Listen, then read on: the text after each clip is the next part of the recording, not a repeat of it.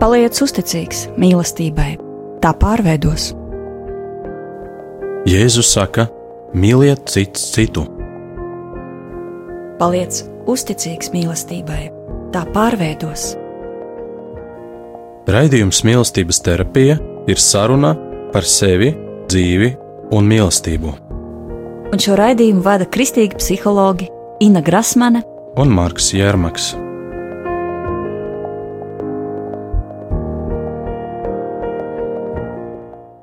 Labvakar, mīļie radio klausītāji! Mēs turpinām iepriekšējā nedēļā iesākto sarunu par bērnu audzināšanu, par mīlestības pedagoģiju, par ceļiem, kā satikt bērnus, kā veidot audzināšanas sistēmu, kas audzina viņus veselus, garā un emocionāli stiprus. Un šodien man arī liekas, priekš mūsdienu laikmeta, ārkārtīga būtiska tēma par bērnu emocionālo audzināšanu, par to, kā veidot sarunu ar bērnu par viņa jūtām. Mīlestības pedagoģija ir pedagoģija, kas audzina bērnu, ņemot vērā cilvēka šo tādu daudzdimensiālo dabu. Pedagoģija, kas audzina cilvēku garu, tātad attīsta viņa garīgumu, garīgu intelektu, garīgu pasaules izpratni, kas attīsta cilvēku emocionāli, Tātad māca cilvēkam būt kontaktā ar savām jūtām, kas attīsta bērnu domāšanu, bērnu sirdsgudrību, kas attīsta bērnu mākslinieciskumu, muzikalitāti, kustību, kas attīsta bērnu fiziski. Un šodien par šo vienu aspektu apstāsimies pie saruna ar bērnu par viņa jūtām. Un kā vienmēr es gribu iesākt ar kādu gadījumu, kas šoreiz būs par kādu pieaugušu sievieti, bet par to, kā tas varēja būt citādāk, ja viņas bērnībā būtu kāds nostājies blakus un parunājies ar viņu par to, kā viņa jūtās. Šī ir sieviete, kas ir nākusi tādā ilgtermiņa terapijā, un viņa cieš no panikas lēkmēm un reizē arī no tādas depresīvas dzīves izjūtas. Un runājot par šo visu psihologu konsultāciju kabinetā, viņa pastāstīja kādu stāstu. Viņa stāstīja par laiku savā bērnībā, kad bērniem sestdienās vajadzēja iet uz skolu. Viņa bija no tiem bērniem, kuri cēlās no rīta, lai sestdienās dotos mācīties. Bet savukārt šīs mazās meitenītes vecāki brīvdienās brauc uz laukiem, un meitene atstāja uz vienu dienu mājās vienu. Tātad viņa palika sestdienā aizgāja uz skolu, vakarā gāja gulēt viena, un tad svētdienā vecāka atgriezās. Nekad vecāki neuzzināja, kādas bailes piedzīvoja šī mazā meitene šajos brīvdienu vakaros, kad viņai vajadzēja iet gulēt vienai. Viņa neuzzināja, jo ģimenē nebija pieņemts runāt par to, kā mēs jūtamies. Kad sāka satumst, meitenei klusi piezagās bailes. Viņai bija bail no tumsas, bail no tā, ka kāds varētu ienākt dzīvoklī, bail no trokšņiem, kas nāca no kaimiņu dzīvokļa. Galu galā kādu vakaru bailes sāka sarunāties ar meiteni viņas galvā. Viņa sāka dzirdēt skaņas un balsis sevī, no kā ļoti, ļoti nobijās. Tikai šoreiz viņa nobijās no tā, ka viņa varētu sajūt prātā. Nekad nevienam meitene nepastāstīja par šo iekšēju spēcīgo pārdzīvojumu, kuru pārdzīvoja. Viņai bija bailes, ka viņu uzskatīs par traku, un šie iekšēji spēcīgie baiļu stāvokļi pakļāva meiteni un sagūstīja viņu uz daudziem gadiem. Kādā veidā? Meitene un vēlāk jauno sievieti, kas nāca uz terapiju, vienmēr pavadīja bailes, visu dzīvi. Tas bija dažādas bailes - bailes no neveiksmes, bailes no vientulības, bailes nebūt perfektai un gal galā bailes nomirt, bailes sajukt prātā. Jaunā sieviete piedzīvo bailes vienmēr esot viena. Tam ir sekas, nespēja sadzirdēt savu aicinājumu, nespēja būt kontaktā ar sevi. Kas es esmu? Skaļi sauc šī jaunā dvēsele.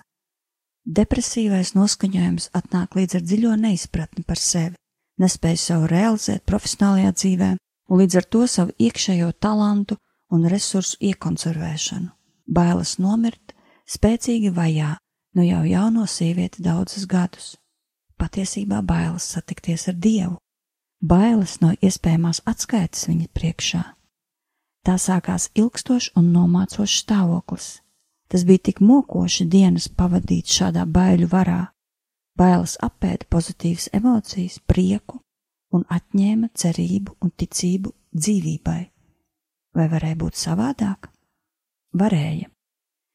Ja mazā meitene būtu varējusi kādam pastāstīt par savām bailēm, Nevienmēr ir iespējams izmainīt dzīves notikumu gaitu, bet dziļāka saruna, telpa, kurā meitene var dalīties par šiem spēcīgiem pārdzīvojumiem, varētu izmainīt meitenes likteni.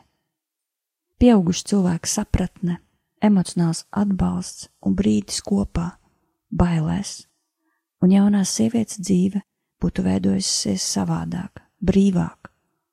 Šodien šī sieviete ir gājusi daudzus gadus terapijā, un kopā mēs esam bijuši šajos baiļu pārdzīvojumos, un šī kopība, šis kopējais ceļš ir ārstējis sievieti un reizē arī mazo meiteni vienlaicīgi.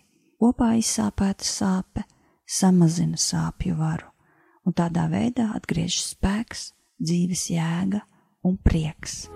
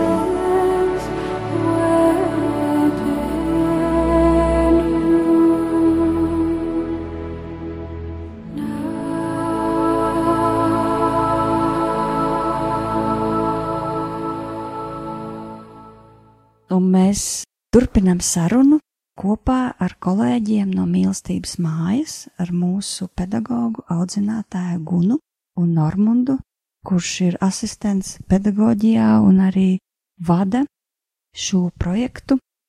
Turpinām sarunu par audzināšanu.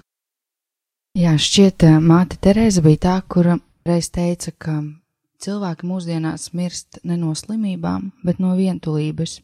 Un um, gan pieaugušos, gan bērnus, manuprāt, neiznīcina grūti notikumi, jo tie, tie pavada mūsu, mūsu dzīves gaitās, lai, lai kurā dzīves posmā mēs šobrīd atrastos, bet eh, svarīgi, ka kāds eh, tev ir blakus, tad, kad tie ārēji apstākļi ir grūti un sarežģīti.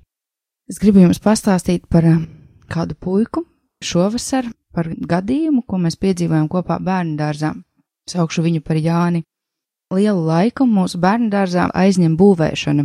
Ko tas nozīmē būvēšana?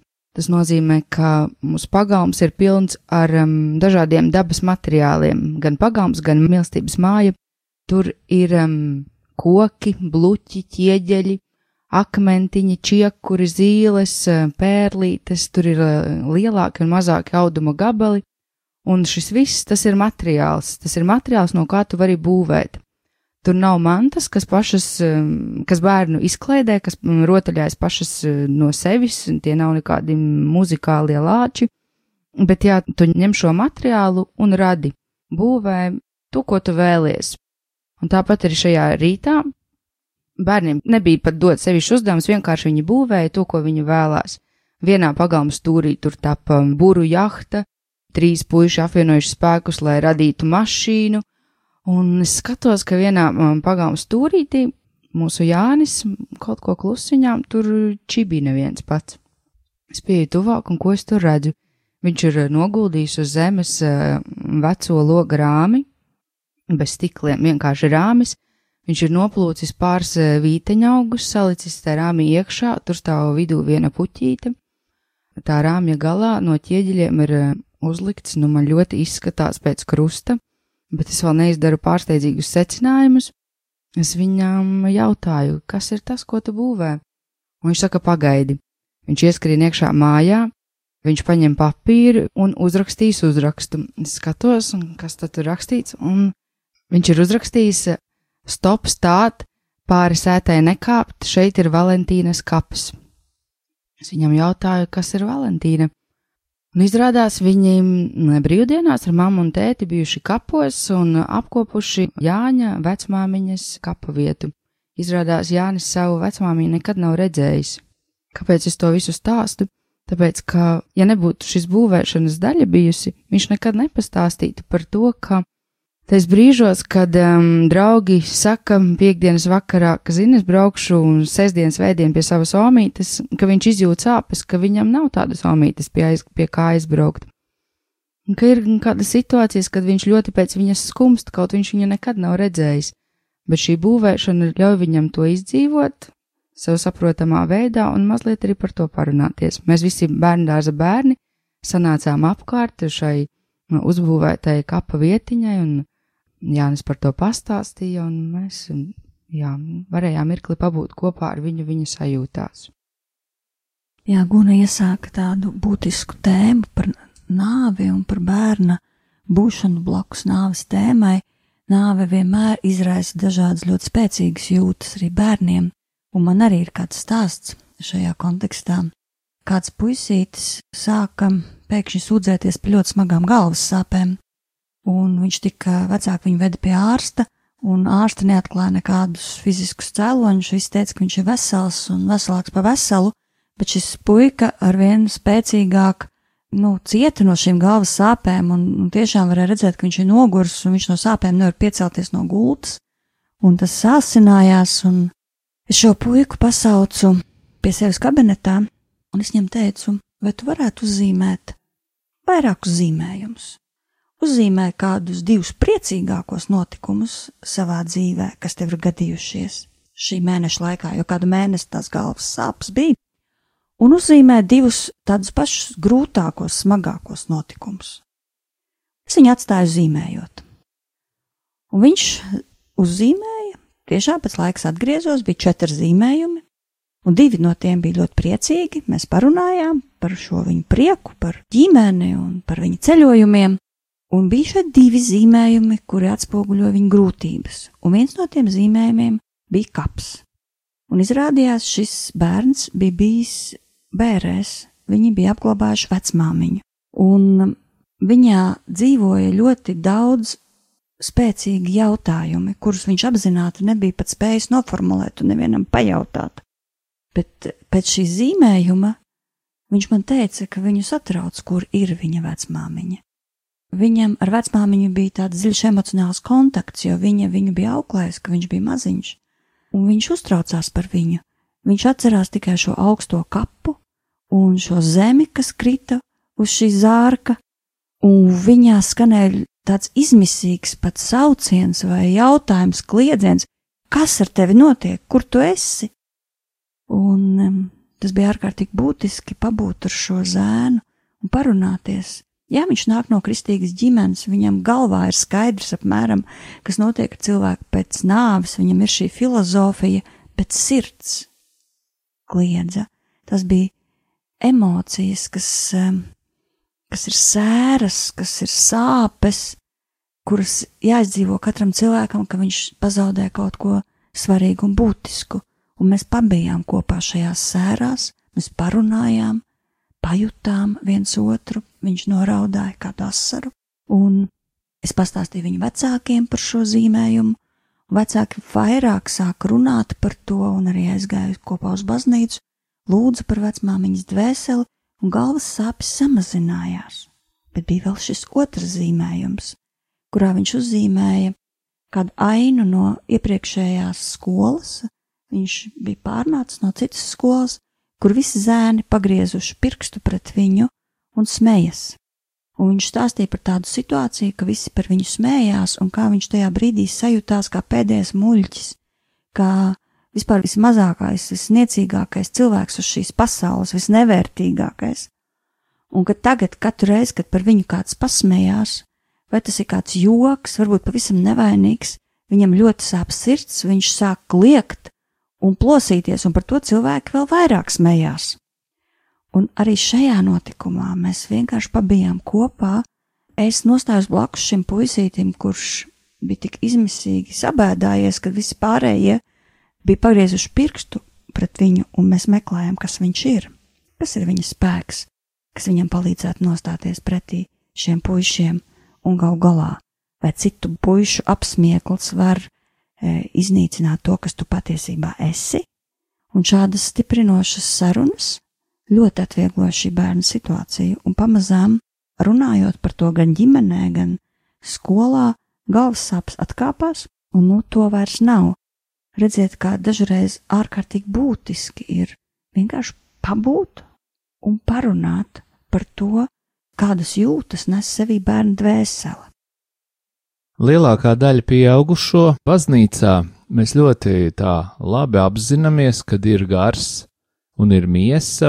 Tas ir visiem normāli saprotams. Taču vai mēs pieaugušie tā reāli apzināmies, ka garā notiek dzīve, kur ir ļoti reāla, tātad mūsu gars dzīvo šo savu dzīvi, par to būtu ļoti svarīgi katram pieaugušajam padomāt. Jo tāpēc, kad mēs, pieaugušie, esam ļoti aizņemti ar savām lietām un aizņemti ar darbu, aizņemti ar pienākumiem, un vai ir daudz laiks pakavēties lūkšanā vai atlikt laiku kaut kādai garīgai tādai domāšanai.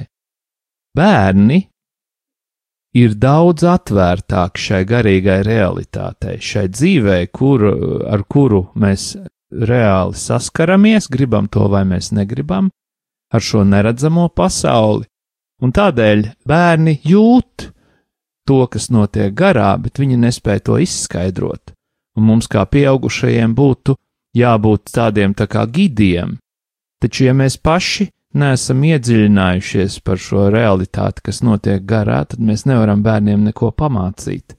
Un ko es ar to visu gribu teikt? Es gribu ar to visu teikt, ka uh, garīgajā realitātē ir dievs, ir dieva gars un ir ļaunais gars.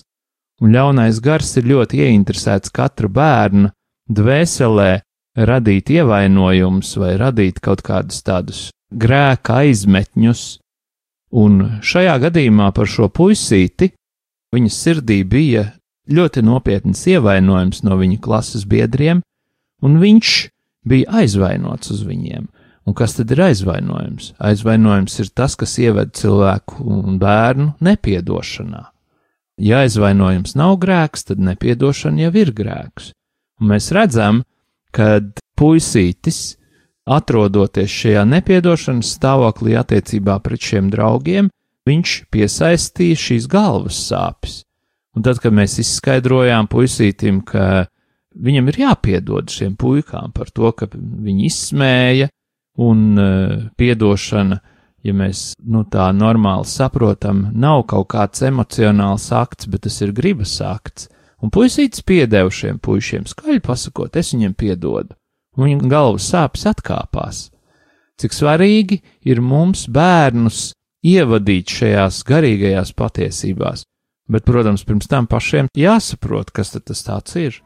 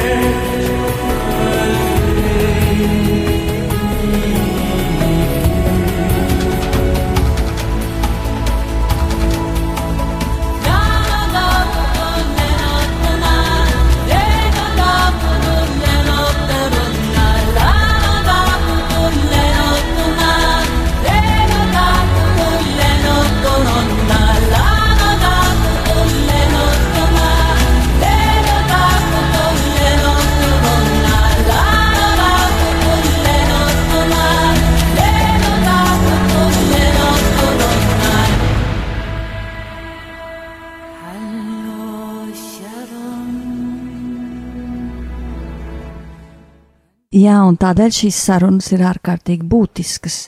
Tātad bērna garīgais intelekts attīstās ļoti specifiskā veidā. Mēs caur sarunu par bērna dzīvi varam viņam dot kādu garīgu norādījumu vai padomu vai kādu vēstījumu, un tad bērns to uzsūks sevī un tas kļūs par viņa dzīvesveidu. Savukārt, ja mēs tikai intelektuālā veidā mācīsim bērnam par dogmām, tad visticamāk viņš tās nepieņems vai arī uztvers kā kaut ko ļoti attālināti un nebūs šī galvas gudrība savienota ar sirds gudrību. Tādēļ ārkārtīgi svarīgi ir vārdi, kurus mēs lietojam sarunās, un bieži vien, kad es vecākiem un skolotājiem mācu šo emocionālo valodu, cilvēki pieraksta šos vārdus, tā kā trūkst vārdu, kā es varētu izrunāt, izteikt savu jūtu realitāti, un šie vārdi ir tādi emocionāli vārdi. Tētis tevi ļoti mīl, tu neesi vainīgs, Tētis vai mamma mani sāpina, bet es piedodu, es pieņemu šo lēmumu, piedot un mīlēt. Mīlestība uzvar ļaunumu, vai tu tam tici? Es arī dažreiz jūtu izmisumu, dzīvē tā mēdz būt, bet mēs varam iziet tam cauri, atrast kopā spēku, dot roku. Mēs ejam kopā. Es ticu, ka mēs kopā iziesim, ka mēs kopā uzvarēsim. Tavas lūkšanas, tavas bērna lūkšanas ir ārkārtīgi svarīgas, nozīmīgas. Tu esi stiprinieks, es zinu, es tev uzticos, es iešu ar tevi līdz galam, es tevi nekad nepametīšu. Kopā var uzvarēt jebkuru neveiksmi. Zini, es vienmēr esmu gribējis ar tevi parunāties. Varbūt bija kāds gadījums, kur es pārkāpu robežu. Toreiz bija tā, es jutos varbūt tik izmisusi, nobijusies, es neizturēju, es toreiz nodarīju tev pāri, pēc tam man pašai tas ļoti sāpēja, ilgi, vai tu to atceries, kā tu tad jūties? Tev ir jāzina, ka es tevi mīlu, mīlēšu vienmēr. Atvēla laiku savā dzīves ritumā, sarunām ar savu bērnu par jūtām, par noslēpumiem, Jūs pat varat izgatavot tādu noslēpumu lādīti, kur katrs var ievietot savus noslēpumus.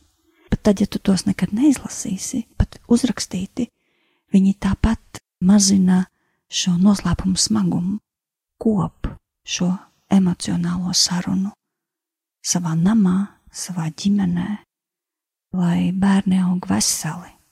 Jo tikai tāds bērns, kas ir spējis runāt par to, kā viņš jūtās, viņš var izaugt vesels. Ja mēs klusējam, tad bērni iesprūst dažādos spēcīgos emociju sprostos, un šie sprosto viņi iesprosto kā vergus, un tad viņi paliek kā vergi visu savu dzīvi. Jā, vēl gribu piebilst to, ka bērnu dārzā un skolā ļoti var novērot, kurā ģimenē runā par jūtām un kurās tie ir sveši vārdi. Ir eh, mammas un tēti, kuri nāk saviem bērniem pakaļ un gandrīz nekad nejautā, kā viņiem šodien gāja. Un tas nav nekāds pārmetums vai kāds nosodījums eh, no mums, bet um, liek ļoti domāt par to, ka es nemaz neesmu gatavs dzirdēt, kā viņam gāja, kā viņš jutās, jo es zinu, ka ir, tikko viņš ir ienācis bērnu dārzā, un droši vien, ka viņš pārdzīvo kādus pārdzīvojumus šeit, bet es neesmu gatavs eh, tajā klausīties, nezinu, ko ar to darīt, jo Es pats um, nemēdzu runāt par savām jūtām. Es pat īsti nezinu, kādi ir šie jūtu vārdi. Mans aicinājums ir atrast, man šķiet, ka Google var atrast tādu sarakstu ar jūtu vārdiem latviešu valodā. Un, jā, piesprost varbūt viņus ar magnētu pie leduskapja un ik pa laikam pārlasīt, kas, kas tad ir tie jūtu vārdi un lietot viņus savā ikdienā sarunā ar vīru vai sievu, ieviest viņus sarunās arī ar bērniem, un tad arī bērni iemācās eh, atpazīt jūtas, runāt par tām, runāt par to, kas ir būtiski, runāt par to, kā viņu sirds jūtas.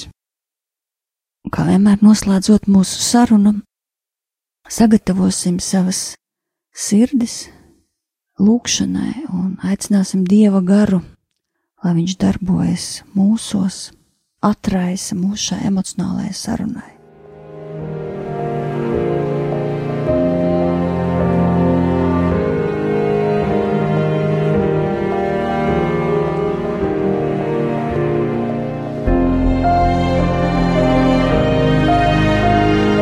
Mīļais debesu Tēvs, mēs lūdzam, Kungs, uzliec savas caurdurtās rokas katram no mums, katram klausītājam, un caur savām brūcēm, Kungs, pieskaries mūsu sirdīm, mūsu jūtām, mūsu emocijām. Kungs, pieskaries katram mazajam bērniņam mūsos, katram tam ievainotajam bērniņam pagātnē kas ir nesis līdzi varbūt kaut kādus ievainojumus, kaut kādu aizvainojumu vai sāpi no bērnības, kas to ir noslēpis dziļi savā sirdī, un tas iespaido mūsu dzīvi, kungs. Pieskaries tagad tam mazajam bērniņam, dziedini un atjauno visu to, ko ļaunais gars ir postījis. Dari, kungs, Jēzu visu jaunu un veido mūs par jaunām būtnēm. Kungs, mēs lūdzam, ka tu atver mūsu sirdis, atver mūsu mutes, tais brīžos, kad jārunā, kad jārunā par grūto, par sāpīgo. Mēs lūdzam, ka mēs varam atrast vārdus, ietērpt šīs sajūtas vārdos. Lūdzam, ka katram lielam vai mazam atrodas tāds cilvēks, kurš ir gatavs blakus nostāties šajās sāpīgajās sajūtās, kurš var paklausīties, uz kura pleca var paraudāt lūdzam, ka tu dāvini, kungs, katram lielam vai mazam mīļu un tuvu cilvēku, kas ir gatavs pabūt blakus. Un es lūdzu, kungs, tādu atpazīšanas dāvanu, ka mēs atceramies šobrīd katru situāciju, kurā varbūt ir bijis kāda sarežģīta, smaga, kas ir ievainojusi mūsu bērnus, ka mēs varam doties pie saviem bērniem un runāt par to, kas ir bijis. Lūgt atdošanu, izlīdzināties, parunāt par to, kā viņi jutās, atcerēties katru situāciju, kur mēs esam viņus atstājuši vienus, dažādu, varbūt sāpīgu, spēcīgu, smagu notikumu dēļ mūsu dzīvē. Palīdz kungs mums būt par ceļa vadoņiem, tādiem, kas jūt, tādiem, kuriem ir vārdi, runāt par to, ko mēs jūtam, lai tavs svētās asins ir par visu šo mūsu ceļu, kas ir garīgs, emocionāls. Svētīt Tēvs mūs ar īsto redzējumu, ar īsto atpazīšanu un īstajiem vārdiem. To visu mēs lūdzam Dieva Tēva, Dēla un Svētā gara vārdā. Āmen! Jūs klausījāties raidījumu Mīlestības terapija. Raidījuma ieraksti pieejami internetā mīlestības māja.clv un tavā sirds.com.